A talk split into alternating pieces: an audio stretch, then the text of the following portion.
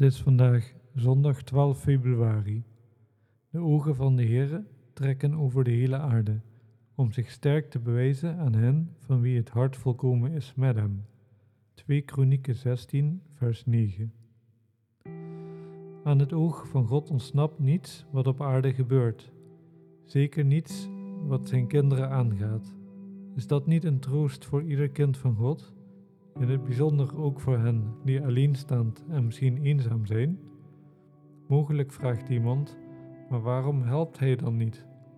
Ons vers zegt echter niet dat hij zich aan al zijn kinderen sterk zal bewijzen, hoewel hij dat zeker heel graag zou doen, maar dat hij zich sterk bewijst aan alle die met een volkomen hart op hem gericht zijn.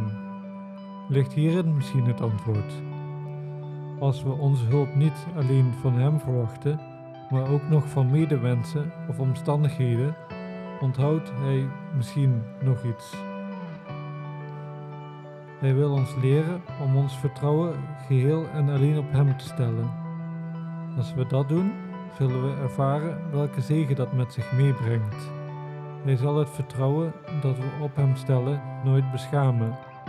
Dingen kunnen heel anders lopen dan we verwachten maar Hij is machtig en leidt alles voor ons ten goede.